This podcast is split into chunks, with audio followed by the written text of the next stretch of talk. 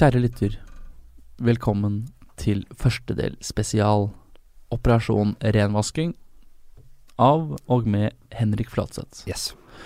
Henrik, Ja.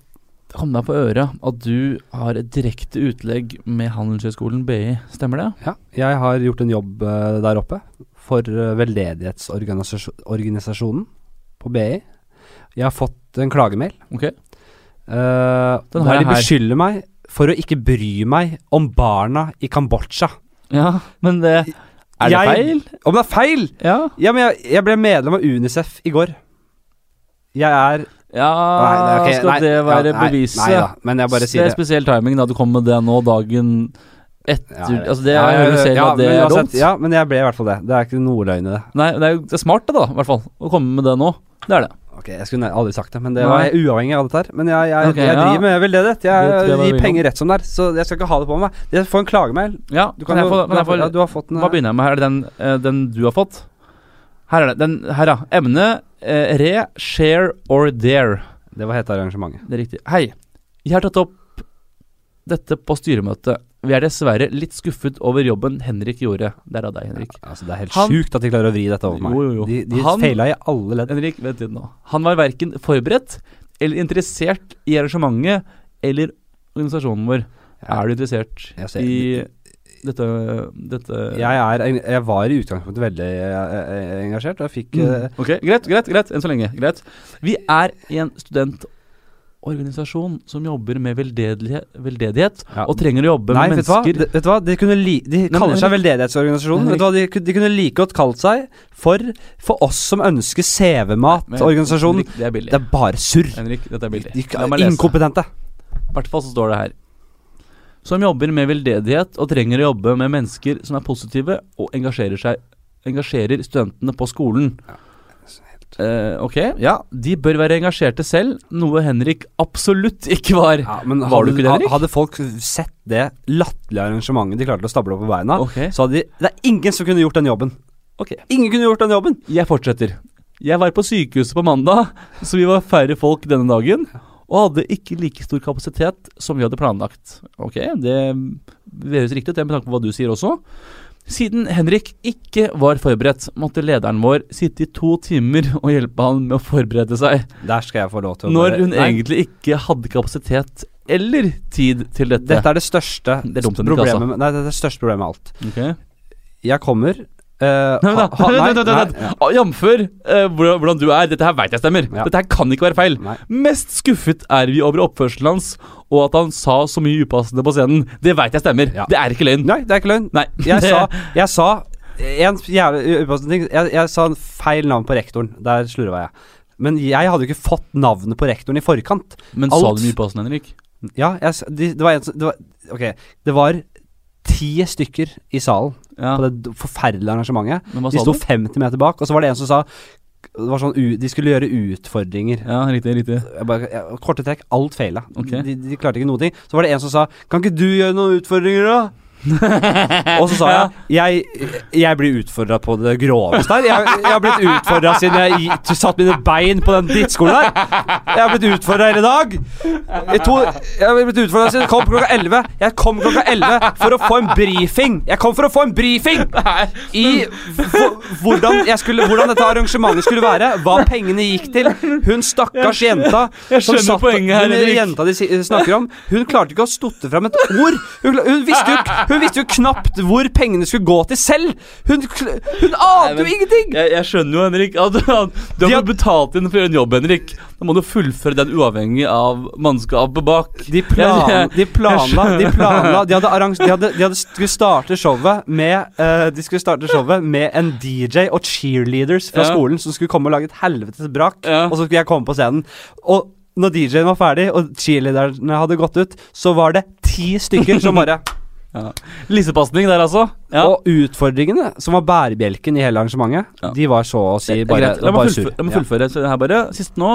Han var rett og slett ikke engasjert eller interessert i prosjektet vi har i Kambodsja, der vi hjelper barn med å få en trygg utdanning. Det, Henrik, det er stusslig, altså. Nei, vet du hva. Det, Henrik, det liker jeg ikke at ikke du bryr deg om. Hva, det er så sjukt, og jeg må forene renvaske navnet. Men jeg har også her mailen du sendte tilbake igjen. Til eh, Jeg skulle få renvaske meg, men nå føler jeg at du, du framer meg. Ja, men jeg skjønner jo Jeg kjenner litt igjen her, Henrik. Dette her er jo deg. Jeg sier Ingen har sagt at jeg gjorde en god jobb, Nei, men betingelsene var helt hårreisende. Men altså. ikke var forberedt, det har jeg opplevd. Ikke alltid, men det har skjedd før. Dette skulle være en renvaskelse. Og at, og at uh, har, du, har du wire? Har, Sånn som du upassende på scenen, det har også skjedd før. Men ditt svar er som følger. Ikke til BI, Nei. men til booking eh, Riktig. Under managementet mitt. Riktig, riktig. La oss kalle henne for Pea. Du kan be sjefen Nei, la oss kalle henne for Katrine. Nei, nei, nei, nei, nei. Nei, det kan vi ikke. Jo, jeg, dette, jeg, jeg, dette kjenner ikke. Nei, men jeg, jeg bare sier til dette, eh, stryk, nei, dette strykes fra Katrine sender meg klagemailen, og så svarer jeg Katrine. Vi har apekattlyd der du sa navnet hennes på podkasten. Nei, men det, det er Katrine jeg jobber med. Hun har gjort noe galt. Ja, hun, hun vi sender meg Ah. klagemailen fra BI, og så svarer jeg Katrine. Greit. Min gode Du kan be sjefen Ja. hennes ringe meg. Arrangementet sviktet i alle ledd, inkludert kommunikasjonen med meg. Hun lederen var totalt apatisk og klarte ikke å formidle noen ting av verdi. Hvis hun ikke hadde tid til å hjelpe meg, kunne hun nevnt det med ett ord da hun satt der. Ett, altså store bokstaver, men med én T. Ok? Hørte ingenting. Er så mye å ta tak i her. Ja, jeg var uinspirert, men det var i aller høyeste grad alle i min samkrets. Finn meg ikke i at de jentene skal skyve skyld over meg, som om jeg ikke bryr meg om heldighet. Du må si det siste på ditt. Du må si, du må si det siste på ditt. Finn i at jentene skal skyve skyld over på meg, som om jeg ikke bryr meg om heldighet.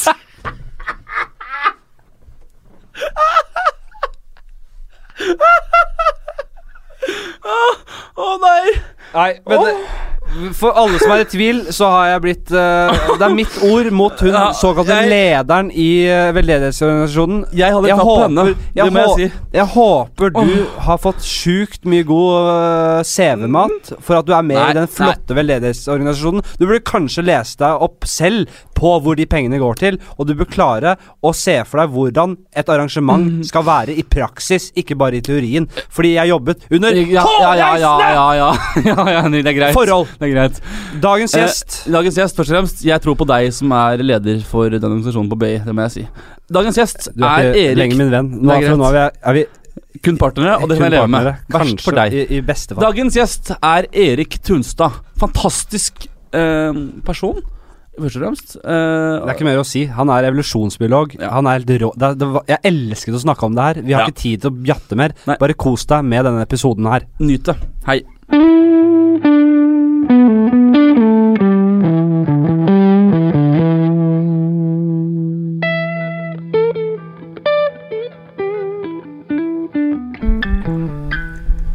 Joakim, går det bra? Veldig fint. Ja, veldig fint. herlig. Jeg er meget spent på dagens podkast. Jeg har jo lest og lest, og spørsmål har uh, poppet opp uh, jevnlig. Det har blitt en, en lang rekke med spørsmål nå. Uh, så det har blitt nesten litt sånn vanskelig. Hvor skal man begynne her? Ja. Nei, altså, jeg også er veldig interessert i evolusjon.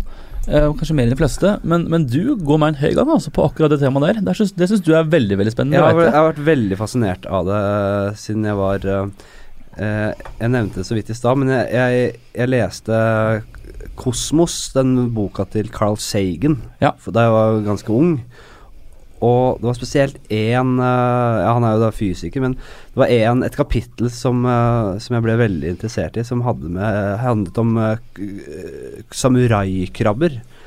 Uh, der uh, de, En gang i, i tiden så, så sto det et stort slag mellom var det, to keiserriker, eller to, to klaner. Det er litt ikke så farlig. Det er det ene I ja, i Japan. Ja. Og soldatene, de døde soldatene, ble kasta på sjøen. Og senere så uh, var det fiskere som fikk en krabbe som, uh, som Det skallet var litt sånn Hadde samuraiaktig preg.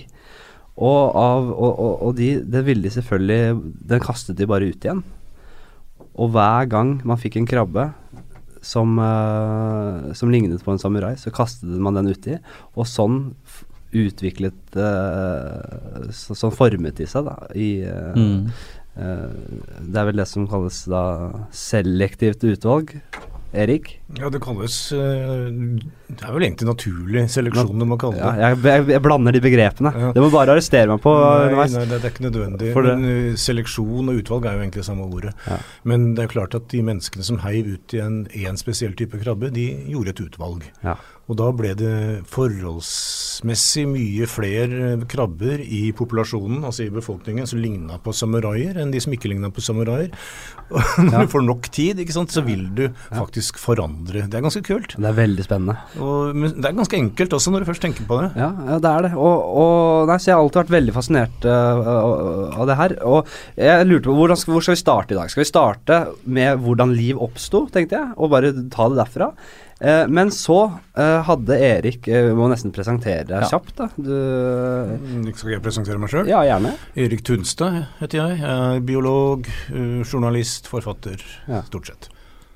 Og Jeg har skrevet en bok om evolusjon. Ja. Ja, det heter, den. den heter 'Evolusjon basert på en sann historie'. ja, Og det er det vi skal ta for oss i dag. Yep. Og du har med deg en hund. Ja, jeg har med bikkja mi, for den er uh, egentlig bare en valp. Så den kunne ikke være aleine i bilen. Og det Så den ligger her på gulvet mellom beina våre. Det syns jeg er veldig hyggelig. Og da tenker jeg at vi kan starte med å snakke litt om hunder. Og det har vi diskutert litt, Joakim. Det er riktig. Eh, Det er det vi har. Fordi en gang, og vi hadde drukket noen glass vin, det skal Ja. sies.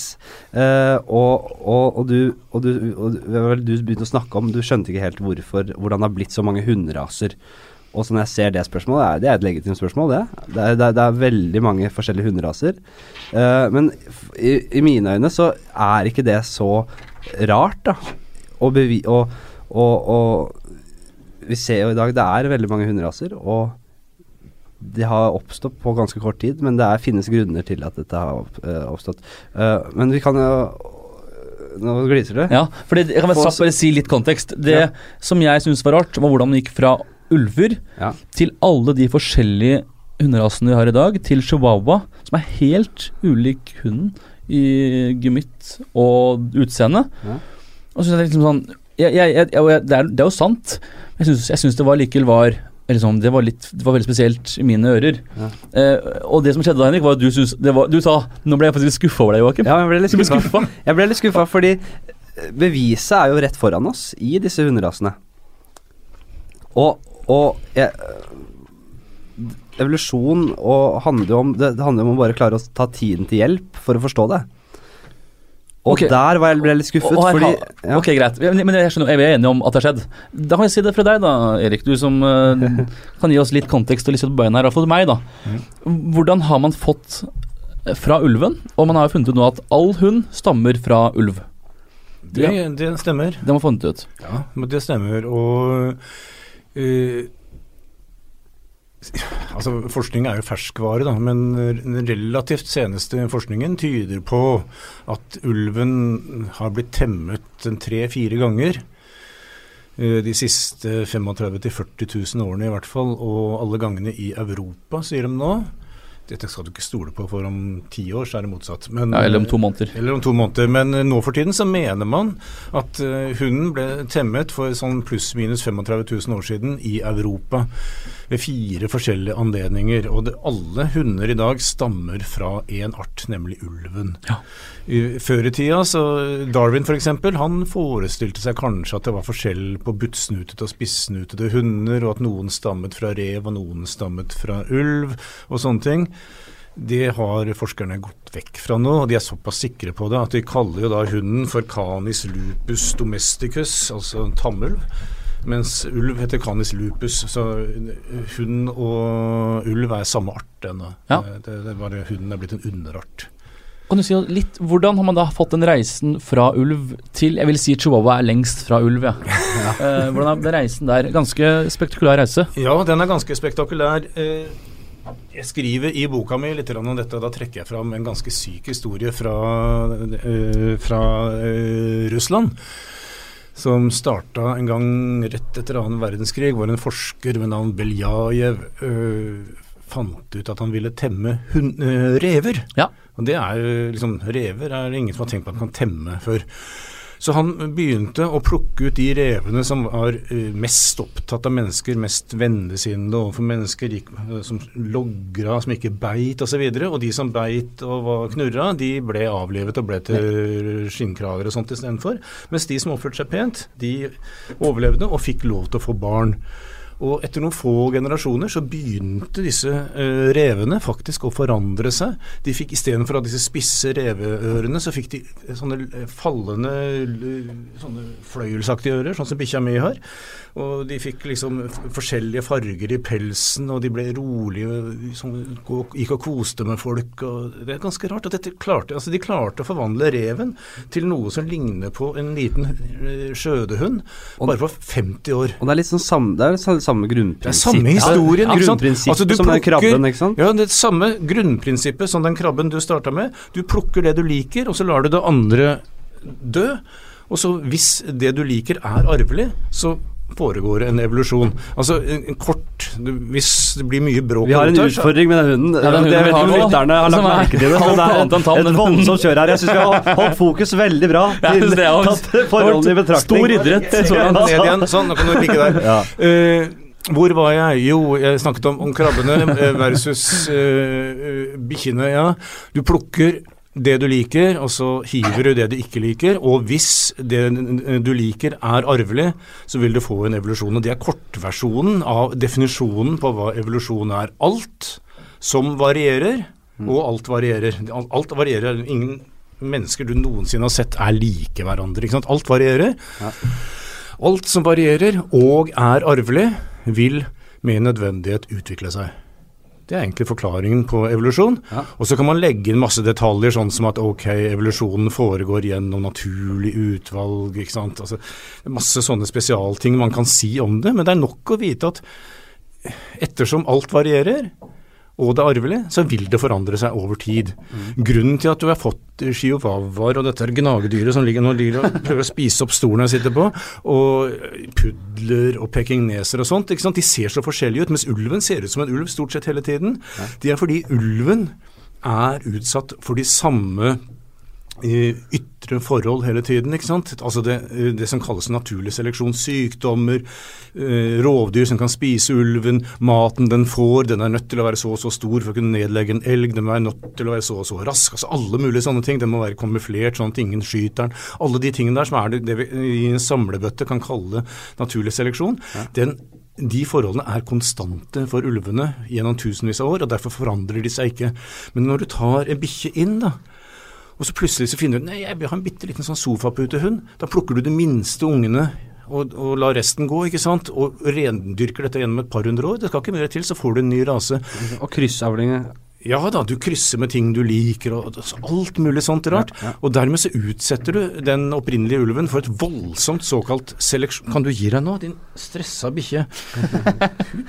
Du, Er dette vanlige podkaster, tror du, Henrik? Jeg Jeg, jeg, ikke, jeg, jeg tror man skal begynne med det, fordi det, synes det skaper en fin Det skaper en, eh, ja, hun er, altså Vi må si da til hennes forsvar at hun bare er ø, seks måneder gammel. Ja, hun er en Det er helt baby. nydelig. Men hun er ganske svær til å være baby, så ø, Du- jeg tror ikke hun vet hvor liten hun er. Men du Eller hvor oppdrar, stor? henne, du oppdrar henne med på en måte hele evolusjonen i ryggen. Så du, du, du, du hestehode foran. Ikke at det syns eh, et så godt nå, men Hun kommer til å bli en strålende bikkje med, med tida. Ja. Men det du snakker om der nå, det er veldig spennende. For dette med naturlig seleksjon. Mm. Men er det én ting som samfunnet i dag er opptatt av, så er det at alle skal ha lik rett på å overleve. Mm. Den, den mennesket er vel ikke i dag spesielt utsatt for dette med naturlig seleksjon. Jo, det er nok det. Ok. Eh, eh, Det har nok vært verre tider eh, når det gjelder naturlig seleksjon. For 150 år siden så døde jo liksom Det fantes til og med kongelige som mistet alle ungene sine på 1800-tallet. Ja. Barnedødeligheten var ekstrem. Men eh, vi har jo fremdeles en naturlig seleksjon i verden i dag. Det er stor forskjell på f.eks. mine barns sjanse for å overleve og barna som vokser opp på en søppelhaug i Addis Abeba eller i, i, i Bombay. Altså det er klart at Men tenk Norge, da. Internt i Norge så Ja. er jo det er veldig mange forskjellige typer mennesker i Norge. Mm. Og eh, alle de har jo lik rett til eh, helsevesenet, til skolegang. En del sånne basisbehov som gjør at eh, som gjør at veldig mange overlever. Det er veldig få som dør. Det er, det er sant. Og, og det tenker jeg bare på, det er, i seg selv er jo, en, er jo det, er det vi har bygd opp på samfunnet på, som er jo riktig. Men er det noen utfordringer ved det? Skjønner litt det, eh, det, har, det er folk som har tenkt i de baner. Jeg syns det er farlige tanker Ja. å drive med. Fordi øh, det veldig lett faller ned på litt sånn, sånn eugenikk. Skal vi, skal, altså, vi hadde jo hele eugenikkbevegelsen øh, for 100 år siden. Hva var, betyr det? Eugenikken var en øh, skal vi si, jeg kan si vitenskap i hermetegn, okay. som oppsto øh, faktisk av fetteren til Darwin, Charles Galton, som grunnla den en gang midt på 1800-tallet. som gikk, var litt, teorien skulle, eller liksom, Ideen var at det skulle være en slags foredling av mennesket. Vi skulle liksom dra fram de gode genene. Ikke sant? Så man premierte folk som fikk masse sunne barn, og hadde sånne missekonkurranser for hele familier, hvor man målte liksom gjennomsnittshøyde og lyshet i håret. Jeg Og, vet om et par eh, store skikkelser i historien som har eh, dyrket denne ja, en og det endte, også, jeg, det endte jo opp i Auschwitz, ikke sant? så man skal Ja. være forsiktig Ja. med å tenke de tankene der. Og, øh, men også Det er likevel et relevant spørsmål å det er et veldig relevant spørsmål, fordi og seriøse forskere har vært bekymra for om vi kanskje gjør det litt for, at vi fører litt for mange gener videre som kanskje egentlig ikke burde vært der. Men øh, jeg mener at det kanskje er litt sånn tankefeil, fordi øh, ideen de har i hodet i så fall, er jo at vi mennesker står utenfor naturen. Altså, Vi kan ikke se på noe vi mennesker gjør som unaturlig, for vi er en del av naturen. Så hvis vi gjør noe, så er det naturlig, mener jeg, da. Men, for så vi har en, utviklet en kultur som gjør at det er mulig å holde folk i live som ellers ville vært død, øh, hadde dødd. Altså jeg hadde vært død for mange mange år siden, for jeg hadde et anfall av lungebetennelse en gang på 80-tallet som i hvert fall med en viss sjanse hadde drept meg hvis ikke det hadde eksistert penicillin. ikke sant? Altså Vi driver jo sånn sett Vi har forandra spillereglene. Ja. Men å gå derfra til å si at det ikke lenger finnes naturlig seleksjon, sånn som David Attenborough sa i et berømt eh, program for eh, tre-fire år siden, eller kanskje to år siden, det er tull. Altså, Mennesket er utsatt for sterkt seleksjonspress fremdeles. Det er forskjell på hvem som overlever. Kanskje reglene er blitt litt annerledes, men det er, alle har ikke samme sjanse til å formere seg. Altså, tenk bare på, eh, på eh, gutter, menn, unge menn i Kina, da, som har vært utsatt for ettbarnspolitikken helt siden Maos tid.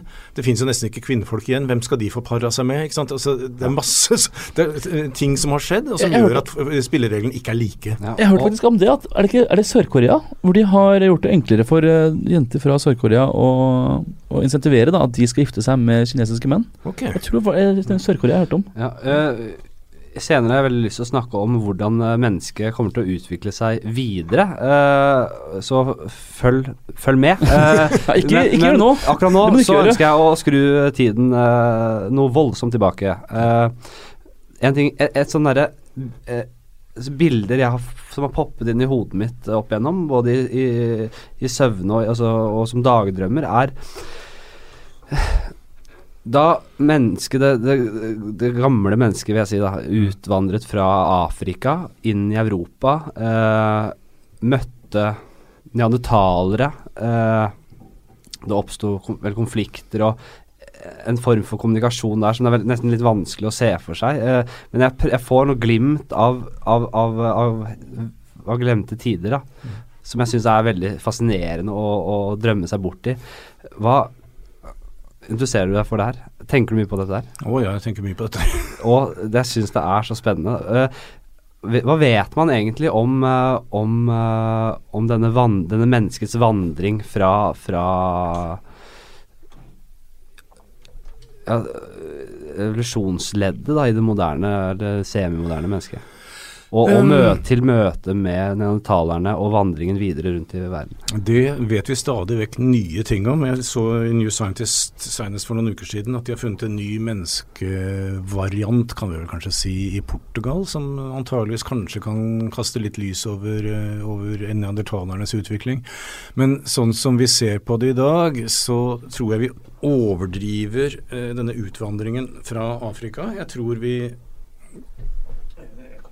prøve å redde noen ledninger her fra bikkja. Vi overdriver eh, Altså eh, Mennesket oppsto i eller Slekten Homo, kan vi si, for å gjøre historien litt kort, oppsto for ca. 2,5 millioner år siden i Afrika, Sentral-Afrika øst og sydover mot eh, Sør-Afrika. Og det Homo sapiens, som altså er våre forfedre, de utvandret fra Afrika for ca. 100 000 år siden. Det er et ganske langt tidsspenn der mellom 2,5 millioner og 100 000 år siden. Uh, for en stund før det, for ca. 1,2-1,3 millioner år siden, så fantes en annen art som er forfar for Homo sapiens og forfar for neandertaleren, Ja vel, ja. nemlig Homo heidelbergensis. Ja. Homo heidelbergensis var spredd over et stort område fra vest i Afrika og langt opp i Asia. Og en én understamme av Homo heidelbergensis, eh, muligens Homo antecessor, kryssa over ved Gibraltar og beveget seg oppover i Spania, oppover i Europa og helt opp til England. Og det, det er på en måte det vi i dag kjenner liksom neandertalerne. Nei, dette er før neandertalerne. det er før det. Det er veldig lenge før neandertalerne. Ja. Dette her er for over en million år siden. Ja. Og engelskmennene i dag skryter at eh, engelskmennene var de første mennesker i verden som eh, kledde på seg. For de har funnet ut at da homo antecessor kom til England, så var det så kaldt der at de var nødt til å ha på seg et eller annet for å overleve der oppe. Så antageligvis var det i England klærne ble oppfunnet da. Ja. Eh, homo antecessor trakk seg tilbake av en eller annen grunn for sånn pff, Nå er jeg litt dårlig på tall, 600 000 år siden eller noe sånt, og ble borte. Antageligvis bare gikk de ned i Afrika igjen. Det var for kaldt oppe i Europa. Og så gikk det litt tid. Ja, det, hvordan vet dere det? Er det Ja, dette er jo bare analyser av, av fossile funn. ja, ja. Ikke sant? Og det er veldig mye neandertalerfunn i Spania, og noen av disse neandertalerfunnene, de eldste, er, har vist seg å ikke være neandertalere, men antecessor. Ja. På vei ut, antageligvis, fra Spania. Så kommer neandertalerne inn for eh, pa, pa, pa, pa, pa, 400 000 år siden eller noe sånt. Egentlig er det Homo heidelbergensis som kommer inn. Den heter Homo heidelbergensis fordi den funnet Første funnet ble gjort i den tyske eh, universitetsbyen Heidelberg. Senere har man funnet ut at den hadde en utbredelse over hele Afrika og hele Europa. Ut av, øh, av heidelbergensis kommer neandertaleren lokalt i Europa. Nå har jeg prata mye, og det får du klippe bort hvis ikke orker. Nei, nei, dette er fint. Kommer ikke til å glippe. Altså, neandertaleren utvikler seg lokalt i Europa fra heidelbergensis, som også har gitt øh, opphav til antecessor lenge tidligere.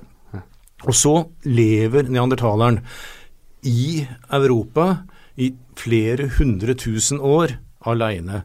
Utvikler for vi skal bare se for oss hele tiden hvilket tidsspenn vi snakker om. Altså hvor mye tid som, har- som vi snakker om her, altså. Ja, det er, det er, det er enorme mengder tid. Ja. Husk at vi syns det er lenge siden år null. Ja, 2000 år. Her snakker vi om hundretusenvis av år. ja. Det er ganske mange generasjoner inni her. Det er ganske mye stillestående tid og ganske mye kult man kan skrive om. Hvis man har lyst til å gjøre det, fabulere, lage fantasy-romaner og sånt. Altså det er massevis av, av stoff her. Hvor, eh, hvor gammel er chihuahuaen? Den, altså Hunden ble jo altså, kjapt. Er, er det målet for Nei, bare, bare sette det litt perspektiv. Det var nok eh, våre forfedre, sapiens, som, eh, som temmet uh, hunden, ulven. Og neandertalerne hadde nok ikke hunder. Nei. Så vi snakker der sånn pluss-minus 40 000 år. Altså De eldste fossilene er, har en viss alder, og så ekstrapolerer de tilbake ved å se på genene hvor mye de har forandret, mange, mange mutasjoner og sånn, så har de kommet ned til sånn ca. 35 000-36 000 år. Vanskelig å si hvor gammelt det egentlig er. Men vi er tilbake sånn 350 000 år siden. Ja. Og der var neandertalerne. Og de ble utviklet seg. De fikk større hjerne. De fikk uh, mer avansert kultur.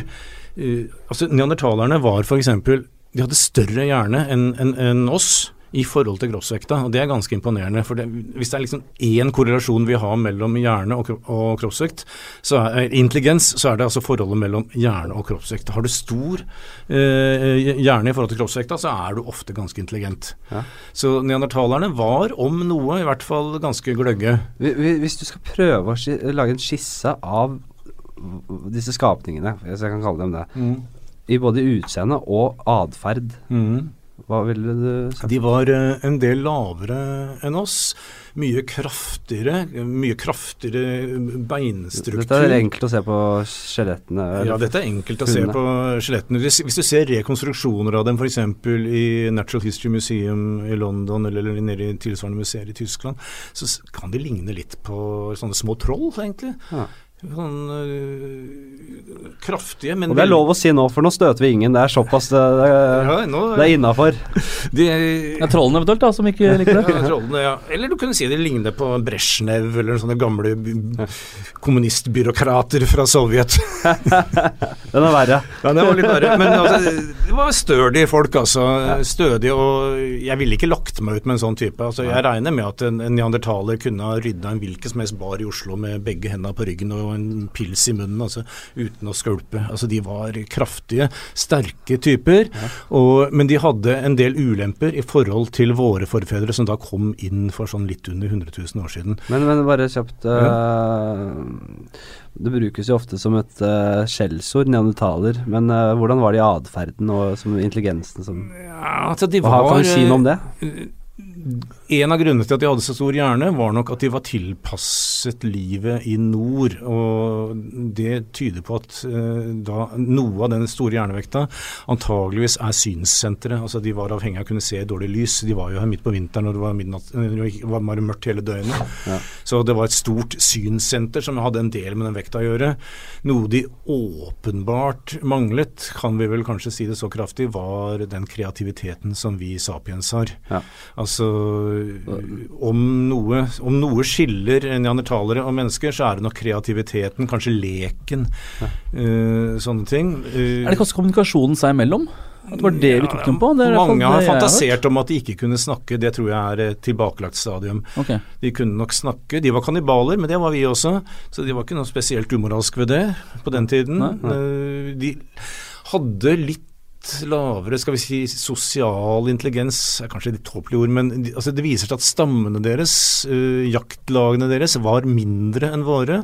Og Det har nok noe med intelligens å gjøre, fordi uh, det som er den øvre grensen for hvor mange mennesker du kan være i en stamme eller i et jaktlag, det er jo hvor mange du kan skille uh, navn på. ikke sant? Altså, mennesker har en ganske god hukommelse. Vi kan skille navn på kanskje en 50, 60, 70, 80, kanskje 150 venner.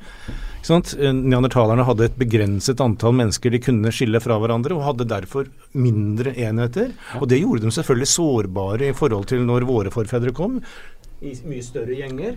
Men hovedforskjellen Unnskyld meg, det er dette er en bikkjebeiste som jeg tar- med. Eh, hovedforskjellen er nok, tror jeg, først og fremst kreativiteten. Altså, eh, våre forfedre kom inn i Europa med pil og bue Ja.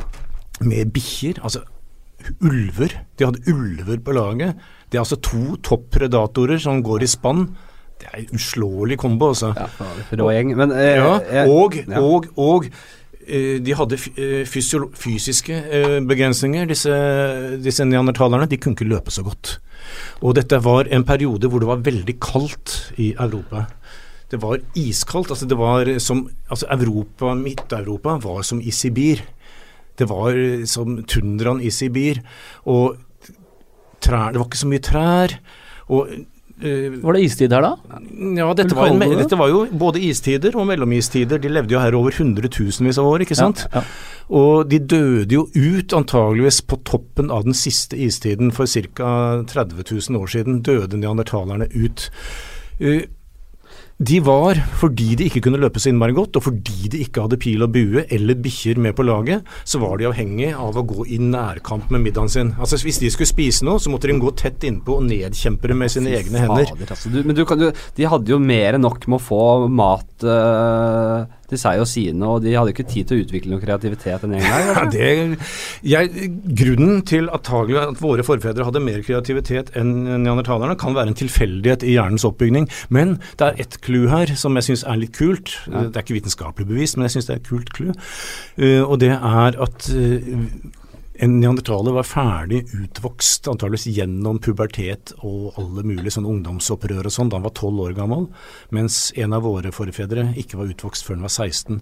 Det vil si at våre forfedre hadde fire år ekstra på å leke Ja. Og utvikle, altså rollelek, kreativitet, liksomleker. Det hadde ikke neandertalerne. Neandertalerne var sånn sett mer, mer dyr. De var ferdig med leken mye tidligere. Der kan det ligge noe av clouet. Ja. Jeg, tilbake til neandertalerne kjapt. Jeg, jeg har sett uh, fantastiske dokumentarer om, uh, ja, gorillaer, som ikke er så ulike oss. Uh, og på en måte hvordan de lever, den hierarkiske eh, strukturen, hvordan uh, Det her er jo veldig er dyriske, men du ser Du, du kan jo lett se likheter her. Mm. Hvor ulike var da Ja, eller gjerne sjimpansen, da. Mm. Hvor ulike er gorillaen, sjimpansen og sånt med neandertalerne, tror du? Uh, likhet Altså, vi har jo felles opphav med alle disse dyrene og menneskene du har nevnt. og Likhet, ulikhet eh, handler veldig ofte om tid. Hvor lenge er det siden vi skilte lag? I dag er det syv millioner pluss minus år siden vi skilte lag med sjimpanser, og vi kan ikke få barn med hverandre lenger, og ikke har vi lyst på det heller. Det er tolv millioner år, tror jeg. Noen få som har det lyst på det, noen få, men de skal vi ikke snakke om. Nei. Feil podkast. Kanskje tolv millioner år siden vi skilte lag fra gorillaen. ikke sant? Altså, Sjimpansen er mye nærmere oss i slekt enn gorillaen er med sjimpansen. Men eh, neandertalerne, der var det ikke så veldig lang tid unna. Det var eh, kanskje noen hundre tusen år. Og jeg mener og det er ikke Nese som mener det, da, men eh, jeg mener at det er feil å snakke om homo neandertalensis, som man gjør i dag, og homo sapiens. Homo heidelbergensis, homo ditt og homo datt. Fordi det viser seg at alle disse homoartene hadde barn med hverandre. Ja. Det er bevist uh, genetisk i dag at uh, sapiens og neandertalerne fikk barn, og at disse barna overlevde og formerte seg videre. Og alle i dette rommet her, pluss minus, vi er fire menn her inne nå, med produsent og lydmann og greier, har et sted mellom 2 og 4% neandertalergener i arvestoffet vårt. Reiser du til Afrika, ser en svart afrikaner, så har han ingenting. Det skyldes at neandertalerne oppsto i Europa, så det er vi som har utviklet oss i Europa som har disse neandertalergenene i oss. Det er knusende beviser, da. Ja. Reiser du derimot eh, til Borneo, så vil du finne ut at beboerne der ikke, der nede, ikke har neandertalergener, men de har eh, gener fra en annen art, nokså nyoppdaget, som heter denisovaneren. De har opptil 6-8% denisovanergener i sine, i sine arvestoff. Altså dette tyder på at alt det som eh, noen forskere hevder av forskjellige arter, egentlig har vært samme smæle. At når våre forfedre kom inn i Europa og møtte disse eh, rare små trolla som bodde her, som var kraftige nok, neandertalerne, så så de kanskje ikke på dem som et annet dyr. De så på dem ok, dette var en litt rar stamme, men ok, la oss, la oss se hva vi kan få til med disse. Hører du dette, Joakim? Hvor rått er ikke det? Det Her gikk det en ganske lik art, eller ra- rase, la oss kalle det. De gikk en annen vei, så møttes de. Og, og tenk på alle slagene som har stått. Tenk på alle uh, kjærlighetsforholdene. Det er Romeo og Julie, det. Ja, ja. faen! Hva Jeg- jeg- er det de dreiv med? Jeg, jeg må faktisk spørre om noe som jeg, jeg må komme, for jeg glemmer det. Du snakket om at uh, neandertalerne de måtte eh, nedlegge sitt bytte uh, face to face. Hmm. Kan du si noe om hvilke dyr det var? For eksempel, en debatt er jo ulv og menneske. Mm. Det vil si Homo sapiens snakker jeg om nå. Ja. Ulven vinner den ti av ti, mer eller mindre. Ja. Klarte de å ta ulven? Nei, altså man spiste jo ikke ulv, men man utryddet den. Og jeg tror nok at eh, både neandertalere og mennesker vant i det lange løp der. De levde veldig mye altså Kosthold er, er analysert og, kartlagt veldig mye ved neandertalerne. De spiste ikke mye mammut, for å si det sånn. Noen spiste nok mammuter også, men det var mest sapien som spiste det, og det var aldri en vesentlig del av kostholdet for noen av dem. Reinsdyr var det en god del av. Mindre hare, sånne ting. Langs kysten kunne de spise sel, fiske osv. Jeg, jeg, bare, jeg bare, nå ser jeg for meg Men det fantes jo også urokser og sånne ting. Ja, men nå ser jeg nemlig for meg det, Du, du, sa, du sa et par ting i stad, annet at det var ganske små tettbygde, Ja. og at de drepte dyret sitt én mot én med, med dyret. Ja. Men jeg ser for meg dere troll der løper etter en kanin. Jeg, jeg, jeg, som er i ja, de det hadde treigt. snarer. Det hadde snarer, altså. Det hadde Tror noen folk på røyken, de også. gang? Ja, det hadde de, garantert. ok, okay. Ellers hadde de ikke klart å fange en hare. Nei, det Med er- mindre de kunne kaste stein, da. Det er selvfølgelig en mulighet. Ja, Hvordan var kastearmen? Har man klart å Ja, gjøre noe? nettopp. Altså, det å kunne kaste stein er jo Hva, en hva sier, hva sier, hva sier eh, skjelettene om, om kastearmen til uh, disse ja, trollene? Det er jo bare homoslekten som kan kaste. Altså Sjimpanser kan jo bare kaste sånn jentekast. Ja. Det er bare vi som kan den der skikkelig drælinga. Så det har nok hatt betydning, eh, vil jeg tro. Men, men reinen så du akkurat. Ja, reinsdyr drepte det. Altså, de, de må jo ligge Det, det ambush. Altså, dette er jo det, Dette er to forskjellige strategier, og det er samme som du ser f.eks. For i forholdet mellom tigre og løver.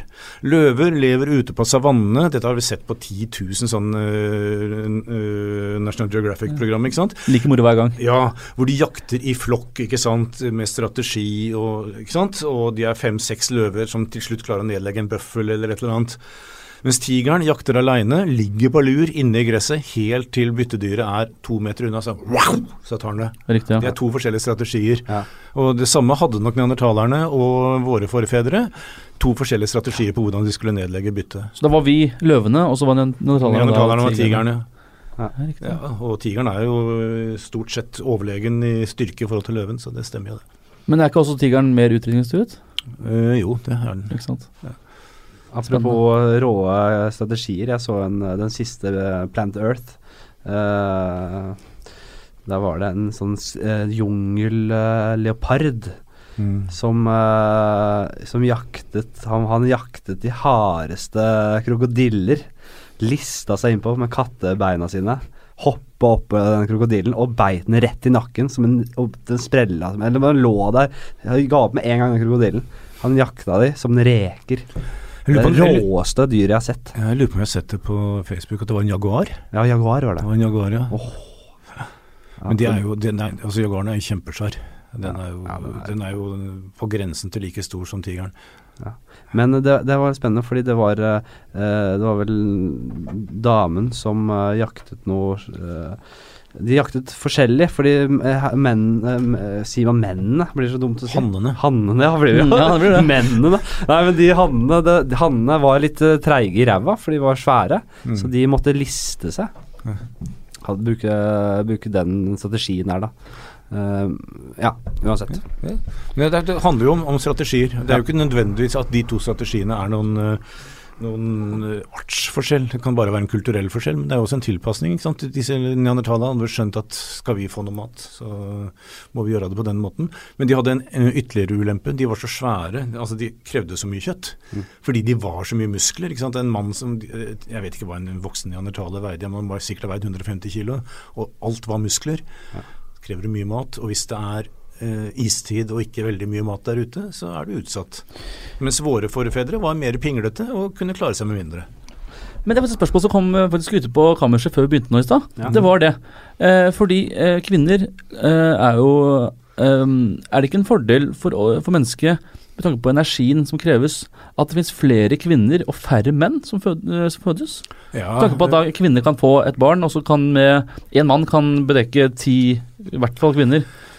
Ja, det er jo et av evolusjonens store mysterier. Hermetegn. Jeg misliker ordet mysterier, for jeg tror man er noe mystisk der. Men det er det man har diskutert mye. Og Ja.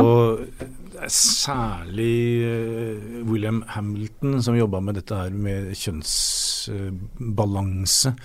Og hvorfor det er nesten nøyaktig 50% av hanner og hunder. Fordi eh, man skulle jo tro at at det holdt med én hann og 100 hunder. Og mang en mann kunne kanskje tenkt seg at det var sånn også, ikke sant? Ja. kunne, men sånn er det ikke.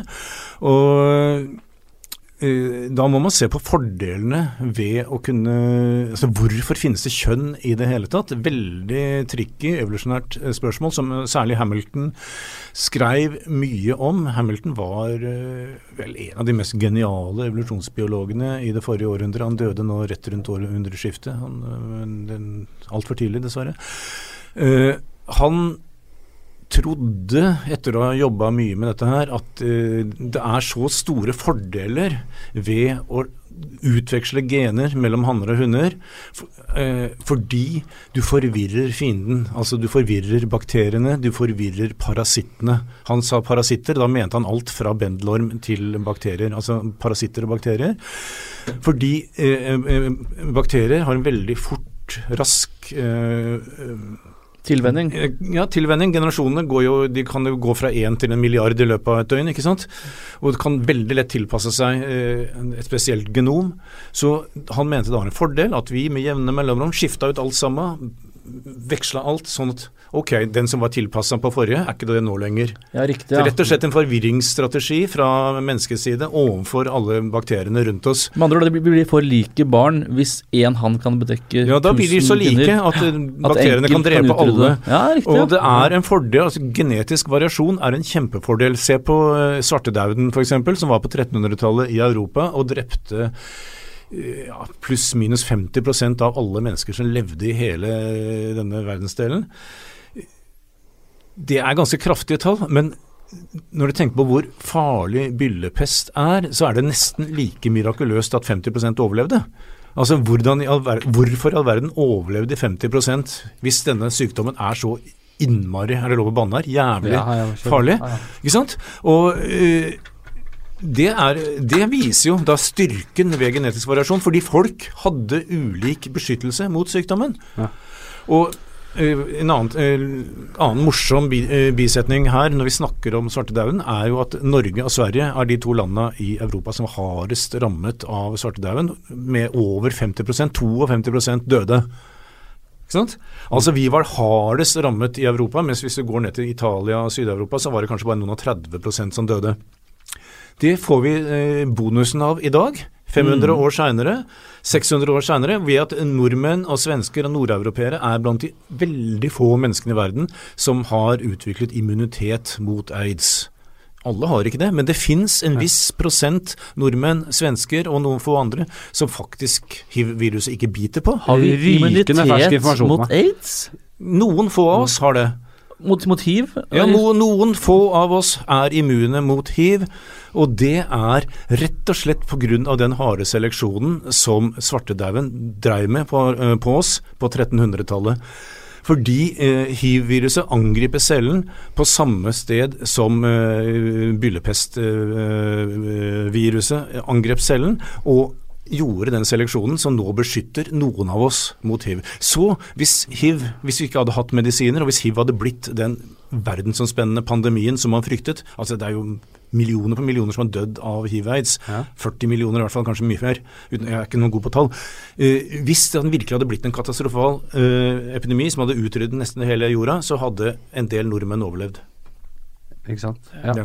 Og de er revolusjon. Altså, vi snakker de store linjene her. Det er jo Ja, vi snakker selvfølgelig de store det linjene, er og dette skjedde ikke. Nei, det er veldig spennende. Uh, å, her er det mye. Hvor skal man gå? Jeg har lyst til å snakke om én ting. Eller, eller vi kan bare oppsummere litt dette med Ja. Kjapt, bare. Vi må bare ta et eh, for Etter hvert er vi også innpå inn på i dag, Ja. og, um, og hvorfor ting er som det er i dag.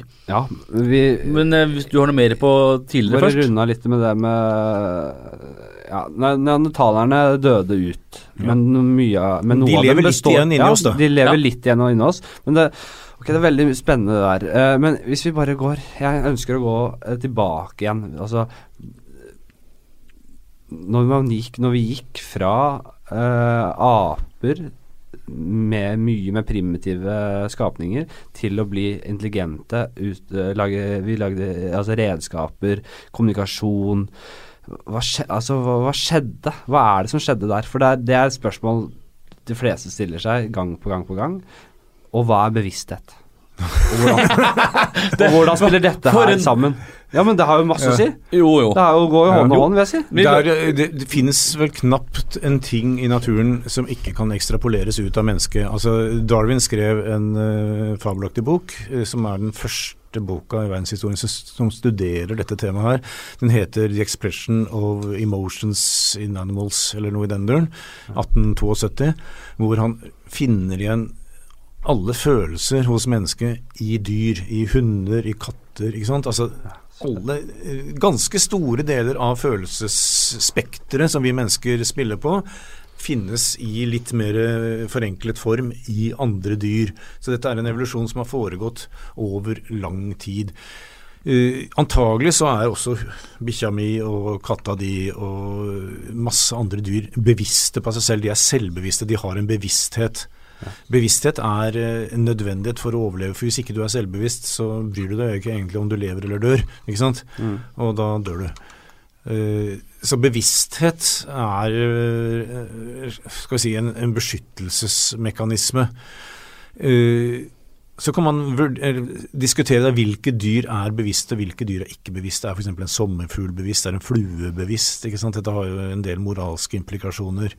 Fordi eh, Hvis man skal ha dyrs, snakke om dyrs rettigheter, Ja. dyrevern, ikke sant? Så kan man eh, forlange at man skal behandle bikkjer på en ordentlig måte, eh, fugler på en ordentlig måte. Fugler er jo intelligente dyr, men et eller annet sted så må vi slutte med det. ikke sant? For vi må jo spise et eller annet. Og da eh, er det jo mange moralfilosofer som sier at ok, vi kan spise ubevisste, ikke-bevisste dyr. Jeg, Hvor går den grensen din? Jeg har fisket en del krabbe. Ja. og da får vi krabber i sånne teiner, og drar av klørne. Beholder Ja. klørne, kaster ka krabba uti. Ja, det er ikke pent. Nei, det er, ikke, er det ikke det? Nei, det hva, er tenker krabba, hva tenker krabba? Jeg har, hatt, jo- jeg, har, jo, jeg har gått et par runder på det her. Ja, oppe, jeg, jeg ville slutta med det hvis jeg var deg. Det Eh, er 15 år siden, eh, bare for å Hva da? Det her skjedde? Nei, jeg fiska krabbe Ja. senest for et par Den, år siden. den vil eh, utvikle nye ny- Barn. Det kommer litt an på når du gjør det, men den vil utvikle, utvikle nye klør neste gang den skifter skall, men den kommer jo kanskje til å sulte i hjel før det. Ja, den dør jo. Det Ja. er det ingen tvil om. Ja. Men, Det er eh, litt sånn som hva tenker japanerne de driver på med haifinnesuppen sin. Det kuttes uh, finnene av haien og hiver den uti igjen. Den går rett til bånns og, og drukner. Altså, Men tenker krabben Nei, når den det går gjør den ned- ikke. Det gjør den ikke nei. men den, eh, det finnes til og med noen folk som lurer på om dyr i det hele tatt har noe særlig smertefølelse. Det Ja. kan ikke jeg forholde meg til. Altså, Det er vanskelig å si. Ja. Men man De bærer i hvert fall smerten på en mer staselig måte enn det vi gjør. Vi jamrer oss og skriker og griner. Vi er så patetiske og vondt. Ja, hvis jeg også er det. ja. Jeg er helt på felgen. Det er Hvis, hvis bikkja mi fikk jo et sår i brystet her for en stund siden, jeg tror det var i en slåsskamp med en annen hund, eller et eller annet annet som skjedde. ja. Det var ikke en lyd fra han. Så jeg måtte jo til slutt kikke under her og så det var noe blod, og sendte den til lege, dyrlegen og fikk den stoppa sammen igjen. Ja. Men den ga ikke fra seg, viste ikke noe tegn til smerte. Og da er det noen eh, forskere, da, dette syns jeg er, er i minste fall kontroversielt, som sier at de faktisk ikke føler smerte på samme måte som oss. Nei. Og argumentasjonen de kommer med er at det er, unø altså, det er på en måte nytteløst for dem å føle smerte, fordi de kan ikke gjøre noe med det likevel. Se en, se en uh, antilope på savannen Mm. som der, Hvis en løve biter på halsen uh, på antilopen Det er et uttrykksløst uh, fjes vi ser, som Mm. om dette er bare Sånn ble det. Men det er jo fordi de ikke har noe særlig mimikk, da. jo, det er klart det. De Inni, ja. inni dem så er det bare et vill kamp. Nei, jeg, altså, jeg tror nok at de er svært bevisste og redde, antagelig. Altså, de er livredde, de, de dyrene der. Og de er jo alltid på vakt. Det var, ikke- det var ikke meningen å komme så usympatisk ut av dette her, men jeg, jeg eh, det skjer, det skjer. Ja, hvilke dyr eh, Fisken, da? Fisken er jo de, Fisken behandler vi jo omtrent som det skulle være stein. Men øh, forskningen viser jo at de har et velutviklet nervesystem, og muligens føler sterk smerte når vi drar dem opp. Mm. Så jeg syns kanskje det er like øh, greit å slå dem i hjel når du først har plaga dem med den kroken, istedenfor å slippe dem ut igjen. Å ja, såpass, ja. Ja, ja. Fordi den har jo tross alt hatt den kroken tvers gjennom kjeven og blitt dratt opp. Men er ikke altså fisken Altså dyr de, de, Vi er ute av uh, uh, Hva skal jeg si næringskjeden, kan du si. Vi, uh, men for dyr så er jo den derre øh, ja, kam, kampen på liv og død noe helt hverdagslig. Noe som bare pågår i, gjennom hele livet. Som en helt naturlig ting. Så de må se på smerte på en helt annen måte. Som en helt naturlig del av øh, hele Jeg tror, nok, jeg tror nok det, men jeg syns nok at de som mener at de ikke føler noe særlig smerte, drar det litt langt. Men på den annen side, eh, trær f.eks. Kan de føle smerte? Eh, Der har jeg, nå har det jo veldig mye vært moderne i det siste å prate om at eh, trærne har følelser og tenker og tjo og hei. Og det, på et vis, litt sånn metaforisk vis, så gjør de faktisk det de tenker og planlegger og gjør sånne ting. Men ikke med den typen bevissthet som vi mennesker har. Da. Det er, finnes, jeg har skrevet interessante bøker om det også, og noen veldig dustete bøker.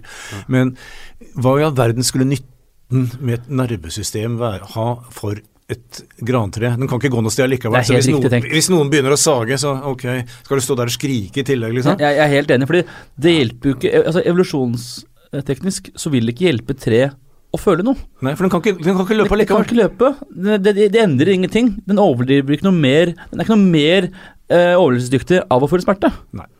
Så det, det vil ikke hjelpe den. Mens et menneske som har vondt, vil kunne fikse det såret, eller endre på den, den dra ut den tornen.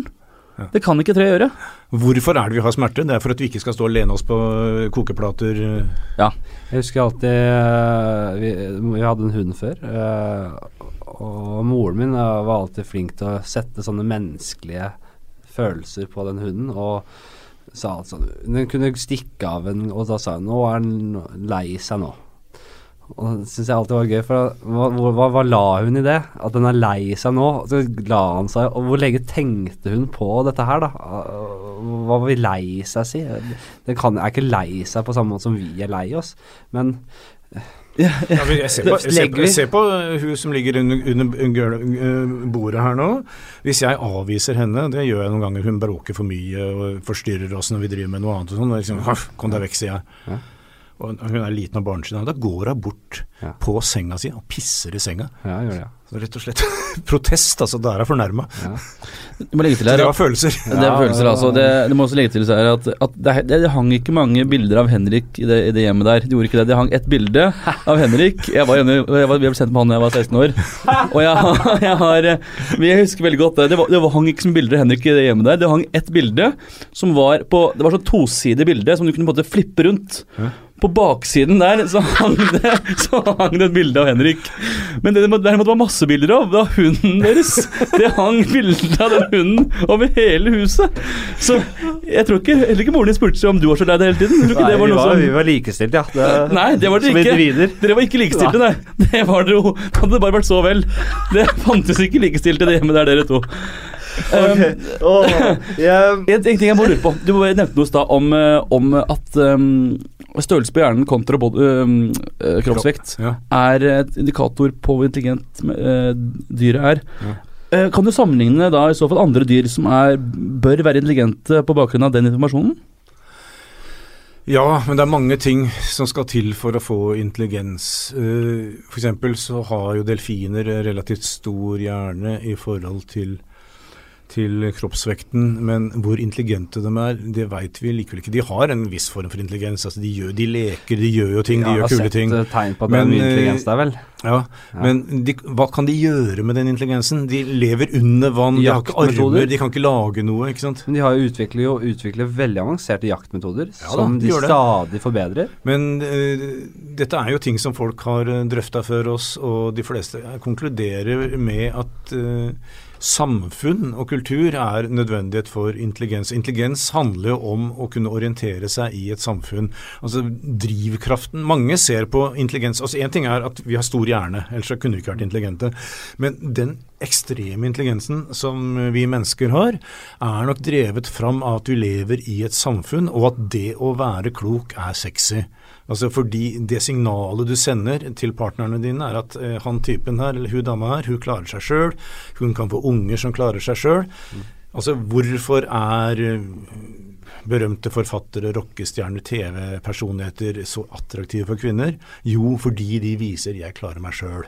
Det er jo det hele greia er. ikke sant? Så sosiale eh, sammenhenger er en drivkraft for intelligens. Det er en sammenheng mellom å kunne skrive en god bok eller skrive en rad av gode låter og intelligensen din. ikke sant? Så det, Der er eh, kreativiteten din en proxy for intelligensen og overlevelsesevnen din. Men alt dette krever jo at vi lever i et samfunn for å kunne utvikle seg. Hvis du lever i en flokk, la oss si at du er en impala-antilope, det var jo du som nevnte på antilopen i stad, eller var det du? Så er du en del av en stor enhet. Men hvordan forholder du deg til de rundt deg? ikke sant? Jo, okay, Det er en antilope der, og så er det en der, og så er det en der, foran der, bak der. Men du interagerer ikke med dem på en annen måte enn at du løper i samme retning. Løvene som jakter på dem derimot, de har forbindelse med hverandre, kommuniserer sant, med blikk, tegn osv. Og, så og koordinerer seg. De lever i noe som kan ligne på et samfunn. Antilopene gjør det ikke.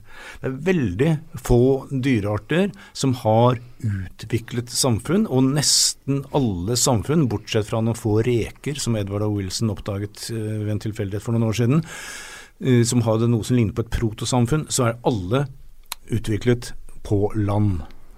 Det er insekter, altså eh, såkalte humanottere, årevinger, veps, bier, maur og termitter, som er en litt annen type insekter. De har utviklet et samfunn. Og så er det mennesker. Det er, de, det er vi som har utviklet samfunn. Og eh, Definisjonen på et samfunn, bare så vi er klar over hva vi snakker om Vi snakker ikke om en flokk med med antiloper. Definisjonen på et samfunn er at flere aldersklasser lever sammen og passe på hverandre. Altså Du passer på unga dine, du passer på foreldra dine. ikke sant? På tvers av generasjoner. Da kan du begynne å kalle det et, et samfunn.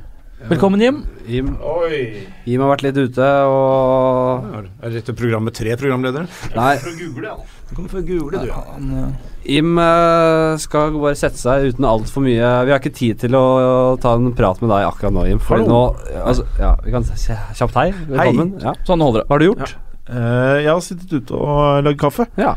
Eh, vi kunne hatt en e helt egen podkast om maur.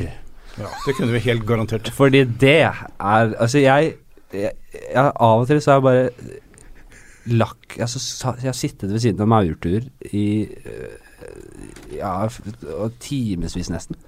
Da jeg var yngre. Det er så interessant. Og Dette er det voksen- dummeste jeg har hørt. Nei, det jeg gjorde jeg. Jeg syns det var kjempespennende. Og i voksen alder så har jeg lært litt mer om maur. Og de stemmer Mange maur, eller maur kommuniserer gjennom kjemikalier. Mhm. Kan du fortelle litt om det? For jeg syns det er så utrolig spennende. Jeg vet ikke mye om det. Jeg er faktisk entomolog, da jeg har utdannelse, men maur har aldri vært min spesialitet. Men det er klart at de eh, i hvert fall former jo samfunnet sitt via kjemikalier, hvor dronningmauren gir visse hormoner til noen larver, som da blir til f.eks. Uh, krigere, soldater. Gir andre hormoner til andre larver, som utvikler seg til å bli matsamlere osv. osv. Noen blir hanner, noen blir hunder. Alt dette er styrt av kjemikalier i, i maurtua. Og de kommuniserer jo ved, ved kjemikalier og elektriske eh, signaler til hverandre gjennom antennene. Det er ganske kule dyr. Og de, de, det er knapt noen ting vi mennesker gjør som ikke en maur også gjør. Ja. De går i krig mot hverandre, de har slaver, de driver med landbruk, de har eh, dronning og adel. Altså de har mye rart for seg, og de bygger. Har de adel i tillegg til dronningen? Ja, så De har jo dronene, ikke sant. Altså De som får lov til å pare seg med dronninga. Det er ikke hvem som helst som får lov til å pare seg med dronninga. Det er noen få utvalgte som får lov til å drive med det. Så det er veldig mye rart med Og systemet med med insektsamfunn var et av de mysteriene som Darwin virkelig sleit med. fordi han hadde jo ikke noe begrep om gener.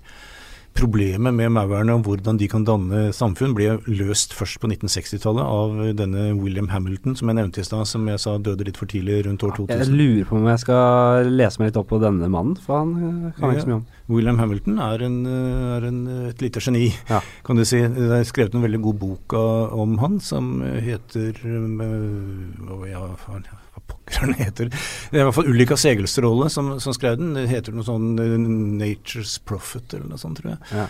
Det er den eneste biografien som jeg tror finnes om han. Veldig bra bok. Hva var det han kom fram til?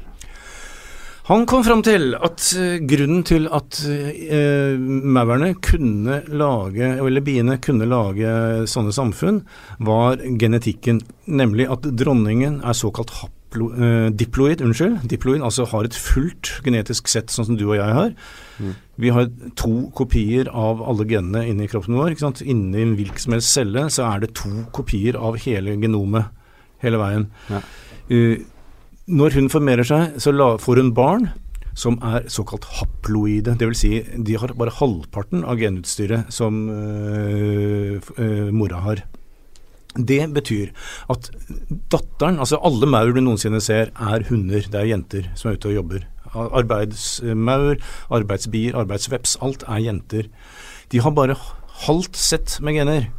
Så her kommer clouet. Hvis de skulle finne på å pare seg med en hannmaur, for det fins hannmaur, ikke sant? Hvis de skulle finne på å pare seg så Det første som ville skje, var at de hadde blitt revet i filler av de andre. Men hvis de mot formodning hadde overlevd, så ville de vært mindre i slekt med sine egne unger enn de er med søstera si. Det. Det er ganske spesielt, og det innså Hamilton. Og så begynte han å lage matematikk på dette her, og fant ut ok, disse arbeidsbiene de er mer i slekt med mora si av søstrene sine enn de ville vært med et eventuelt avkom. Altså er det mest naturlig for dem å hjelpe mora si å få flere unger, for da får de ført flere av sine egne gener videre Ja. enn å lage egne unger. Der er hem hemmeligheten. Ja. Mens hos mennesker er det jo helt annerledes. Vi har jo en helt eh, annen, annen forklaring på hvordan vi har klart å lage et samfunn, men Hamilton knakk uh, gåten med insektene. Men det, det er så mange måter for, for, uh, former for liv enn det vi er vant med, da kan du si. Det bringer meg over på en annen eh, spennende tanke eh, som dukker opp av og til. Eh, alternativer til så, karbonbasert liv, da. Hvis vi snakker uh, si en annen planet et eller annet sted i universet. For eksempel at Titan er jo nevnt som en planet hvor det kan, uh, hvor det kan uh, være liv. Ja. Eh, det er vel, Titan er vel månen til øyene på dypt vann. Saturn. Saturn tror jeg det kan være. Ja, det er, Eh, det. det er hvor det er etan- det, og metanbasert planet, men som de tipper at kan ha liv. har du tenkt noe på dette her? Nei, ikke mye. Det er jo også, de har sett Det er ufint av oss å spørre om sånn, Henrik. Ja, jeg har sett eh, også at de har prøvd Jeg lurer på om det kan være noe på den måneden som heter Europa, øh, som er jo helt isdekt. Ja. Uh, Men det, det, det, er det man pleier å tenke, er vel at uh, silisium på engelsk silikon, det er derfor alle folk sier silikonbasert, men det er jo silisiumbasert uh, liv, kan eksistere hvor man kan tenke seg at silisium kan erstatte karbon i, i den organiske kjemien. Altså Organisk kjemi er kjemi med ting som lever. Ja. Og der er det stort sett karbon som er det viktigste molekylet, eller det viktigste atomet, og så er det oksygen, hydrogen, nitrogen, svovel, fosfor. Stort sett det. Og man kan tenke seg å bytte ut karbon med silisium, men eh, jeg så noe forskning i fjor høst som, hvor de hadde prøvd å beregne og fant ut at det ville være litt trøblete å erstatte silisium, eh, eller karbon med silisium. Det spiller ikke noen stor rolle. Vi veit jo bare om at det er liv på jorda foreløpig. Ja. så ja. Det blir jo big news når vi finner det, fordi før eller siden så kommer vi til å finne det. Det er garantert. ja, hvis vi ikke dør, da. Hm? Hvis vi ikke dør ut. Ja, altså jeg tror vi kommer til å finne rester etter liv på, i ytre rom i løpet av noen år. Ja, altså det, det er nødt til å skje. Det er øh, Altså, jorda oppsto for ca. 4,6 milliarder år siden, og de eldste fossilene er ca. 3,9 milliarder år. Det er funnet flere fossiler som er ca. 3,9 milliarder år. De er altså 600 millioner år, så har vi celler. Må tenke på at Mesteparten av den tida mellom eh, sola, eh, jorda oppsto og de første fossilene, da var jo jorda en glødende kule av lava. Så livet har ikke hatt lang tid på å utvikle seg. Likevel så kom det ganske kjapt. Ja. Enten så betyr det at liv utvikler seg veldig lett, eller så betyr det at det sprer seg gjennom rommet. Ja. Eh, Samme for meg. Det var i hvert fall her ganske kjapt, da. Ja. Og øh, jeg, uansett hvordan du tolker det der, så er det mye liv i rommet. Enten fordi det oppstår nærmest med en gang du får såkalt levelige forhold, eller fordi med en gang det blir eh, såkalt levelige forhold, så kommer bakterier og greier flyvende på, eh, på meteoritter og kometer og, og slår seg ned. Ja, Veldig, spennende. Så jeg, jeg, jeg personlig, uten at jeg har noe som helst annet enn min egen synsing å, å belegge det med, så jeg tror det er liv eh, veldig, veldig mange steder. Ja, for Tenk det hva er slags, tenk hva slags beis som kan finnes der ute. Ja, det har vi sett mange dokumentarfilmer om på kino de siste årene. Ja, ja. Det, det er noe Og, og, og, men vi, vi, Ja, vi, vi, vi, lager, vi lager de alltid de skikkelsene som vi kjenner til, men tenk på hva slags andre former for liv det kan være der, som er helt annerledes enn det vi er vant til. Ja. Som gjerne består av noe helt annet enn det vi er bygd opp av. Mm. Som alt liv på jorda er bygd opp av. Det er jo veldig interessant. Det var det jeg prøvde å, å, å snakke litt om her. Ja. Jeg må bare, Det heter uh, Fermi-paradokset, heter det der. Ja, ja. Om, om at eh, man anser sjansen for at det finnes liv utenfor jorda som så ekstremt høy, men man har null bevis for det. Ja. Det er sånn Bo- paradoks. bo- Bok, det er skrevet en ganske kul bok om det som heter uh, And Where Is Everybody? Ja, ikke sant, nettopp. Han er helt overbevist om at det fins. Helt overbevist, men det er null bevis. Ja, Det er spennende. Ja, det er ganske spennende. Men, vi må, eh, vi, en ting vi må begynne litt på dagen i dag også, og også framover. Ehm, på, altså for evolusjonen, tenker jeg nå, Benrik. Du med det blikket der, hva betyr det? Nei, jeg trodde du snakket sånn om, om podcasten, hvordan vi skal gjøre rammer. Nei da, det må vi ikke, skal vi ikke, det skal vi ikke ta nå, Henrik. Det passer, det har vi ikke tid til. Og det er et par ting som jeg, eh, jeg prøver selv, og, og hvis jeg lurer på Hvis jeg spør, stiller et spørsmål, eller stusser over noe, så prøver jeg å tenke på evolusjonen, på hvorfor ting er som de er. Det er et par ting jeg syns er vanskelig å skjønne hvorfor eh, er som de er, med bakgrunn i det. Og Mm. En av de eksemplene er depresjon. Hvor, hvorfor? Det er ikke bare mennesker som blir det, det er også dyr blir deprimerte. Ja, det er eh, Jeg er veldig eh, egentlig opptatt av depresjon fordi jeg fikk det ganske tett inn på livet for en stund siden. Ikke, okay. ikke meg sjøl, men en venninne av meg som ble svært deprimert og til slutt døde. Så jeg tenkte en del på det. Og så vidt jeg har skjønt, så blir depresjon i dag i hvert fall tentativt ansett for, eh, som en form for eh, eh, skal si, epigenetisk sykdom. Altså Hva betyr det? jo, altså Epigenetikk har vært trendy Jeg skriver et eget kapittel om det i den boka mi om evolusjon. Epigenetikk er på en måte ting som kan gjøres med kroppen som ikke krever at du forandrer DNA-et ditt. Altså det er ting Det er ganske lett å forstå, egentlig. Eh, alle veit åssen en sommerfugl utvikler seg, f.eks. Den blir født fra et egg, og så blir den til en larve. Og en larve det er en sånn lang Egentlig, egentlig bare en, en tarm som beveger seg rundt og eter og eter og eter. Og eter. Og så går den inn i en puppestadium, som er en liten klump hvor øh, cellene flyter fritt rundt der og organiserer seg på nytt. Og så kommer den ut igjen som en sommerfugl. Som ser helt annerledes ut, med helt andre farger. Det er ingen likhet med larven. Og så formerer den seg og legger egg, og så går eh, sirkelen en gang til. Det som vi ikke tenker over, er at det er akkurat samme arvestoffet i dyret hele veien, selv om det ser helt forskjellig ut. Og det er da det vi kaller epigenetiske effekter. Altså uh, arvestoffet har et sånn si, sett av hjelpemolekyler utapå seg som kan slå av og på det ene genet etter det andre. Sånn at i en periode av livet så har han slått av alle genene som gir den eh, sommerfuglen flotte farger, eller eh, eh, seks bein, som jo insekter har når de er voksne. ikke sant? Nå har vi genene som gjør at den ser ut som en lang, bevegelig tarm. ikke sant? Og det er mange eksempler på epigenetikk i naturen, og det finnes også eksempler på epigenetikk blant oss mennesker. Det mest kjente, eh, den mest kjente anekdoten handler om et naturlig, unaturlig forsøk som ble satt i gang uh, ufrivillig i Nederland på slutten av annen verdenskrig. Hvor tyskerne trakk seg ut av eh, Nederland fordi de var på retur.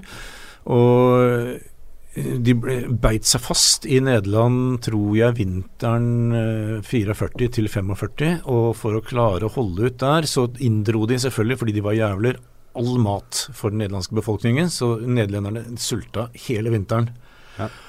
Og så ble jo øh, tyskerne grisebanka, og resten er historie. Men det som er interessant, er resultatet av den sultkatastrofen på ungene som ble født rett etter annen verdenskrig.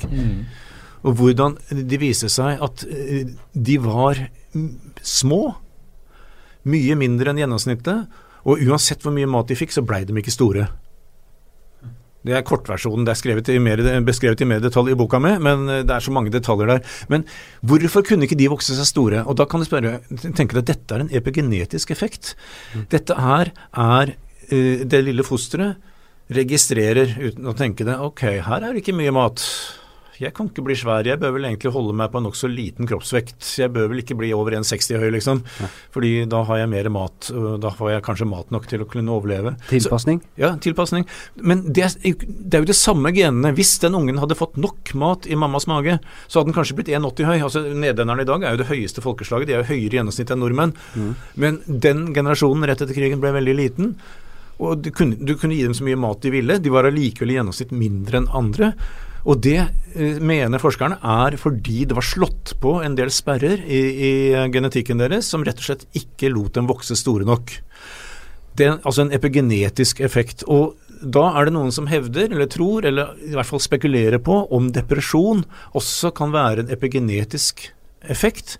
Kanskje det har vært noe i mammas mage, kanskje hun har vært stoffmisbruker, kanskje vært mye krangel, kanskje det har vært et eller annet som har sendt signaler til, til barnet om at du skal ikke glede deg for tidlig.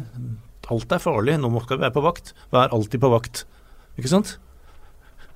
Så du mener at depresjon er en er, Jeg er mener ikke, jeg bare har- refererer hva noen sier. Ja, jeg skjønner. jeg skjønner, ok Så det, det du sier, er at noen mener at depresjon er en måte å overleve på. Det er en måte, og det er en strategi for en ganske jævlig verden, men en strategi som gjør at du kanskje ikke klarer deg i en, eh, den verden du blir født i. Det er et forsøk, mener disse da, på å, å skape en unge som er forberedt på at alt går til helvete, og kanskje er på vakt. Eh, Min venninne som jeg nettopp snakket om, hun fikk såkalt panikkangst. Altså alt var farlig. Mm. Det kan kanskje under visse omstendigheter være greit å være alltid på, på vakt, men det tok jo livet av henne til slutt. Men Ja. Uh, Ja, også, det er kanskje det også at man mister matlysten nå kanskje i tillegg. Det er vel en Ja. sånn effekt ofte av depresjon. Så jeg vet ikke, altså dette her er vulgær eh, synsing fra Jo, jo. min side, men eh, det er i hvert fall trukket inn, og det er mange sykdommer som blir trukket inn som mulig epigenetiske. Altså at det er ikke genetiske egentlig, men det er ting som har skjedd uh, under svangerskapet eller rett etter fødselen som har gjort noe med, med uttrykket av genene dine som gjør at du har blitt som du har blitt. Te, altså, så, du, du trenger ikke å bli så dramatisk. Altså, tenk på hvor mye større og høyere vår, eller din, du er mye yngre enn meg, generasjon er enn foreldregenerasjonen, og som igjen var mye høyere enn sin foreldregenerasjon. Hvorfor er det sånn? Jo, de får bedre mat. Men de har også fått bedre næring i, i magen til mora si, så de har potensialet for å vokse seg større. Og dette vokser og vokser og vokser. Ikke sånn at vi kommer til å bli 14 meter høye om noen generasjoner, for vi har et potensial som vi ikke har Når vi kommer dit, så må det ordentlig evolusjon til for å gjøre oss enda større. Ikke sant? Vi når et tak, og så, øh, når vi har kommet til det taket, da må vi til og med skikkelig evolusjon for å kunne gå enda høyere opp. Men vi har et spillerom, da. Et menneske kan jo bli fra 1,60-1,40 høy til 2 meter og 10, ikke sant. Vi har et ganske stort spillerom å bevege oss innenfor, men det finnes en maksimumhøyde. Akkurat som det finnes en maksimum alder. Jeg tipper at, øh, ja, Det har jeg alltid sagt til ungene mine, at dere kommer til å bli 120 år gamle. De er liksom øh, i tenåra nå, fordi dere har forholdene lagt til rette for det. Min generasjon kommer til å daue når de er 100. Foreldregenerasjonen min daua da de var 90, 80, 70, ikke sant. Mm. Tilbake sånn. Altså Vi har et spillerom. Men det er en grense for hvor gammel du kan bli. Ja, er det det? Ja, det fins folk som mener at vi kan bli 1000. Jeg tror ikke noe på det. Nei, men det er jo Vi kjenner jo ikke Vi kjenner øh, Nå øh, Den generasjonen som lever, klarer sjelden å se spå i fremtiden. Så sant. hvilken teknologi har vi muligens i vente? Det vet vi ikke akkurat nå. Men noen hevder at det, det første barnet som kan leve si i kanskje 500 år, allerede er født. Ja, det har Fordi jeg, det har jeg kan- sett. Ja, vi kan uh, Fordi det kan, man kan uh, reprodusere organer og celler mm. uh, med fremtidig teknologi. Som man kanskje er på sporet. Jeg vet ikke, jeg kan ikke så mye, ikke så mye, ikke så mye om det. Men aldri si aldri, da. Nei da, det kan godt være. I så fall så tok jeg feil. Men altså, det er, jo en ting som er ganske slående. Det er f.eks. at hvis du er 90 år gammel og har en helt frisk lever, og dauer og donerer en, leveren din f.eks. til en guttunge på seks år som har en leversvikt, så kan den leveren leve videre i han i 90 år til. Altså leveren din kan bli 180. Ja. Mm. Ikke sant? Altså del, Reservedelene dine kan bli så gamle som, som de vil, men det er jo helheten deg som ikke helt klarer det. Ofte så henger ikke huet med, i, øh, i, med kroppen når man blir eldre. Ja. At, uh, Ja, så hva er vitsen med å bli 500 år gammel hvis du mister hukommelsen når du er 90? Ja, det det. Da kanskje vi bare setter inn en liten chip, vet du. ja for eksempel.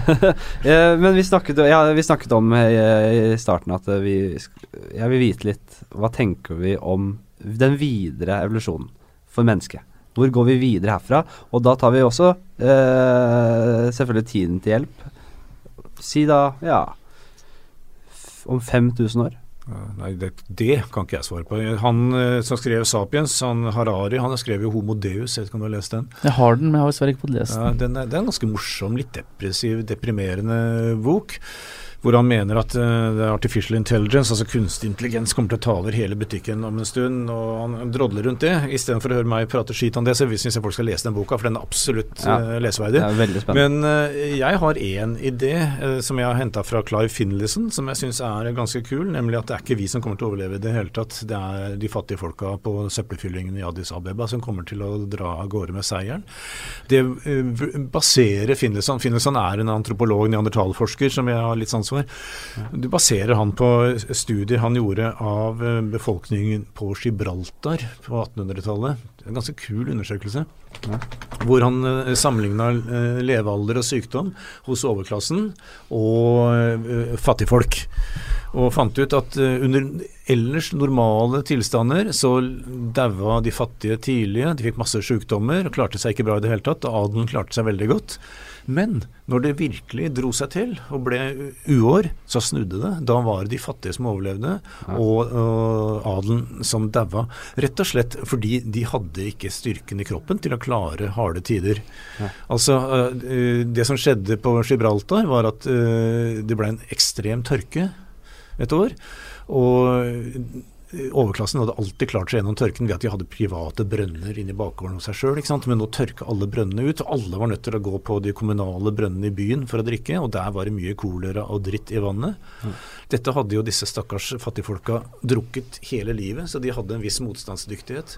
Mens overklasseungene daua som fluer, for de hadde aldri vært borti det vannet før. Slutt å vaske hendene så ofte. Ja, slutt å vaske hendene dine. Begynn der. Ikke pust hendene! Og så, så, For- så det eh, Finlayson eh, fantaserer om, da, er at eh, når krisa virkelig kommer, så dauer jo alle vi, og så er det fattigfolka på eh, fyllinga i Addis Abeba som overlever. For de har vært ute en vinternatt før. Men la oss uh, prøve å se litt hypotetisk på dette her. Og så tar vi ut uh, kunstig intelligens, og så sier vi måten vi lever på i dag. Hvordan vil det hypotetisk forme oss som art i de neste tusen årene og millionene årene? Eh, Jeg så en gang en rekonstruksjon av hvordan mennesket skal se ut hvis vi skulle reparere alle feilene våre. Vi, vi ville se ganske mye annerledes ut. Vi har jo store problemer med vondt i ryggen f.eks., så de forestiller seg et- Det ganske mye skrive kortere rygg. Ja, nettopp. Eh, Jeg vet ikke, jeg, jeg tipper at eh, intelligens kommer til å være av betydning. Altså Intelligens er jo en, i hvert fall en sånn seksuell seleksjonsgreie som bare kommer til å løpe løpsk. Vi kommer til å bli klokere og klokere og mer og mer kreative, for det er jo det damene syns er sexy.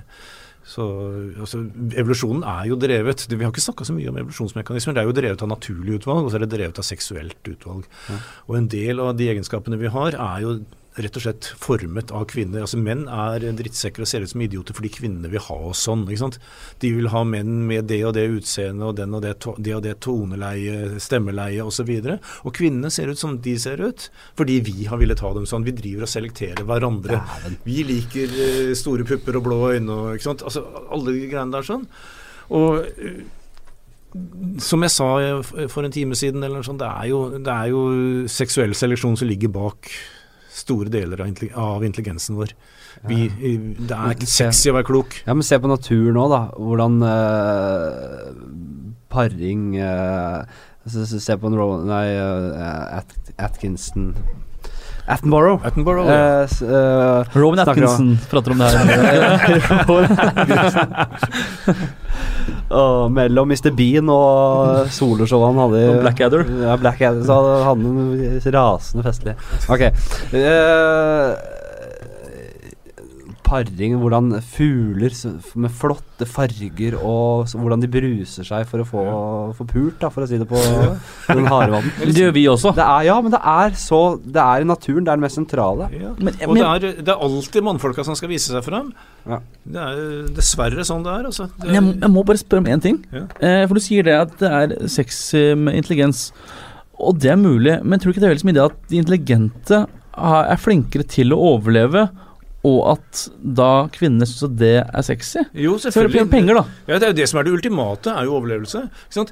De intelligente er flinkest til å overleve. De kan utvikle nye jaktmetoder, de kan tenke, de kan løse si- ø, situasjoner.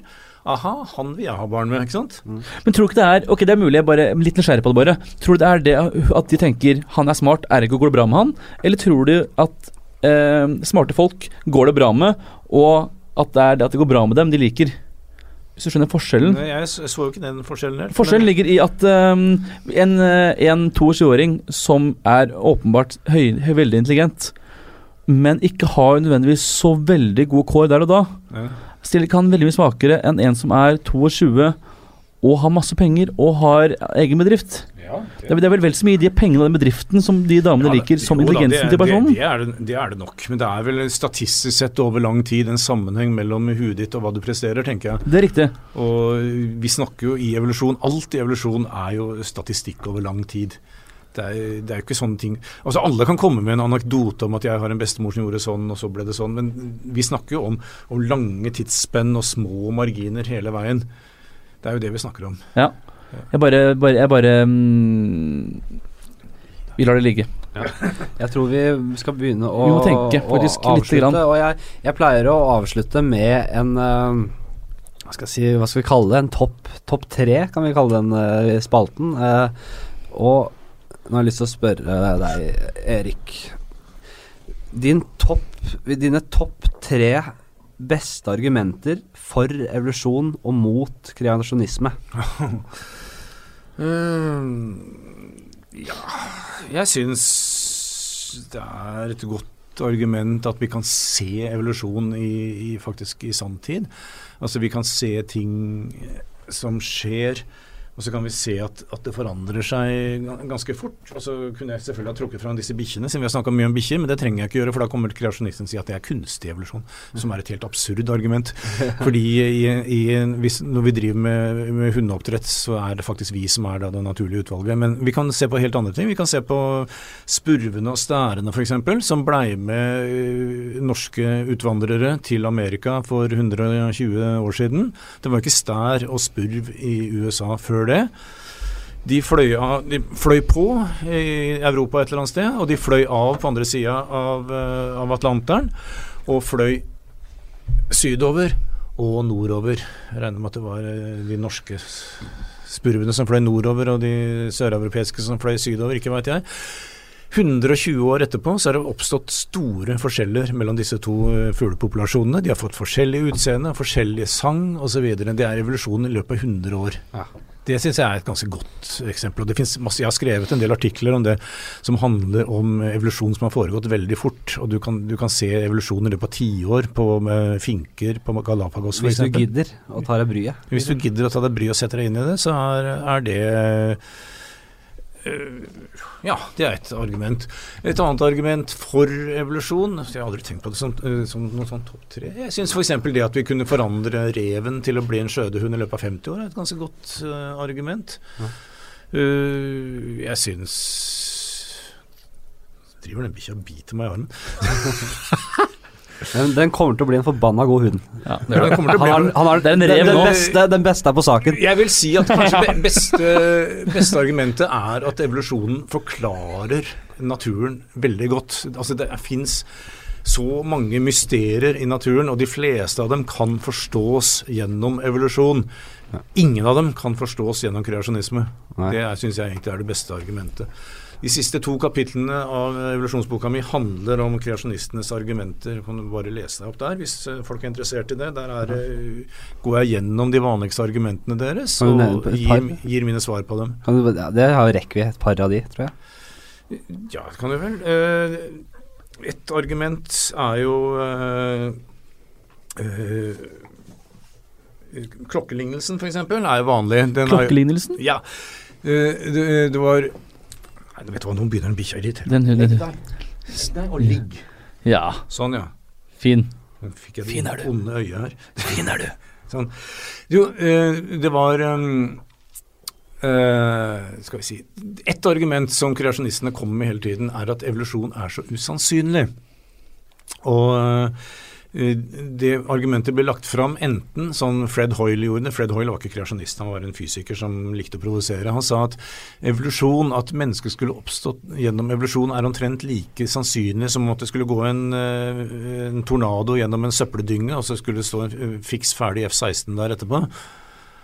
Uh, kreasjonistene sier evolusjon, at mennesket utvikler seg gjennom evolusjon, er omtrent like sannsynlig som om du skulle sette en sjimpanse for en skrivemaskin, og så utkommer uh, Shakespeares samlede verker. Det er juks, det er en tankefeil.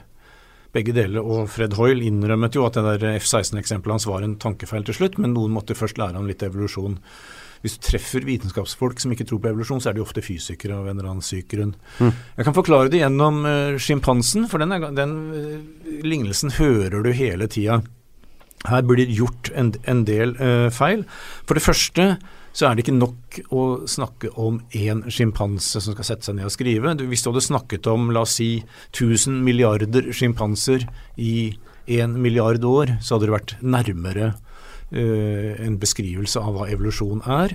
Men det er én ting til her, nemlig at du har glemt det som er hjørnesteinen i Darwins evolusjon, nemlig den naturlige utvalg. Det er ikke sånn at uh, sjimpansene setter seg ned og skriver i vilden sky. Det er sånn at det går en eller annen sur bibliotekar bak ryggen på dem og sier ok, der var et ord, det kan vi ta. Dette er bare gibberish, men der var det et ord. Og så plukker de ut det som kan brukes, og det som ikke kan brukes, det dør. Ja. Det er jo det som er naturlig utvalg. Men det største feilen, tankefeilen, er at du sier at det skal komme fram Shakespeares samlede verker. Hvorfor i verden skal det komme fra Shakespeares samlede verker? Hvis du starter evolusjonen forfra i dag, så ville ikke mennesket dukke opp. Det ville dukke opp noe annet. Men det vi- ville garantert ikke være mennesket som dukket opp, og i hvert fall ikke deg og meg. Altså, Vi er jo da ekvivalenten til Shakespeares samlede verker. Det holder å si at det skal komme ut en tekst som kan leses. Den trenger ikke være spesielt god engang, den skal bare kunne leses. Ja. Det er det kravet som stilles. Så her er det tre ganske grove tankefeil på rappen, og dette er et av de beste argumentene de har. Det sier jo litt om de andre argumentene de har. Er det fristende av og til bare si Da les en bok, da. Ja, for eksempel. Les min bok. Jeg, jeg les min bok eventuelt. Jeg eh, har storkost meg, Erik. Ja, jeg det har også. vært kjempeinteressant og en ære å ha deg på besøk. Eh, Virkelig. Og jeg, tusen- og jeg vil si at hvis uh, intelligens er attraktivt, så er du en meget sexy mann. Spør kjæresten min, da. Tusen takk for at du kom. Takk skal du ha. Og ha det bra til dere andre. Hei, hei. Ha det.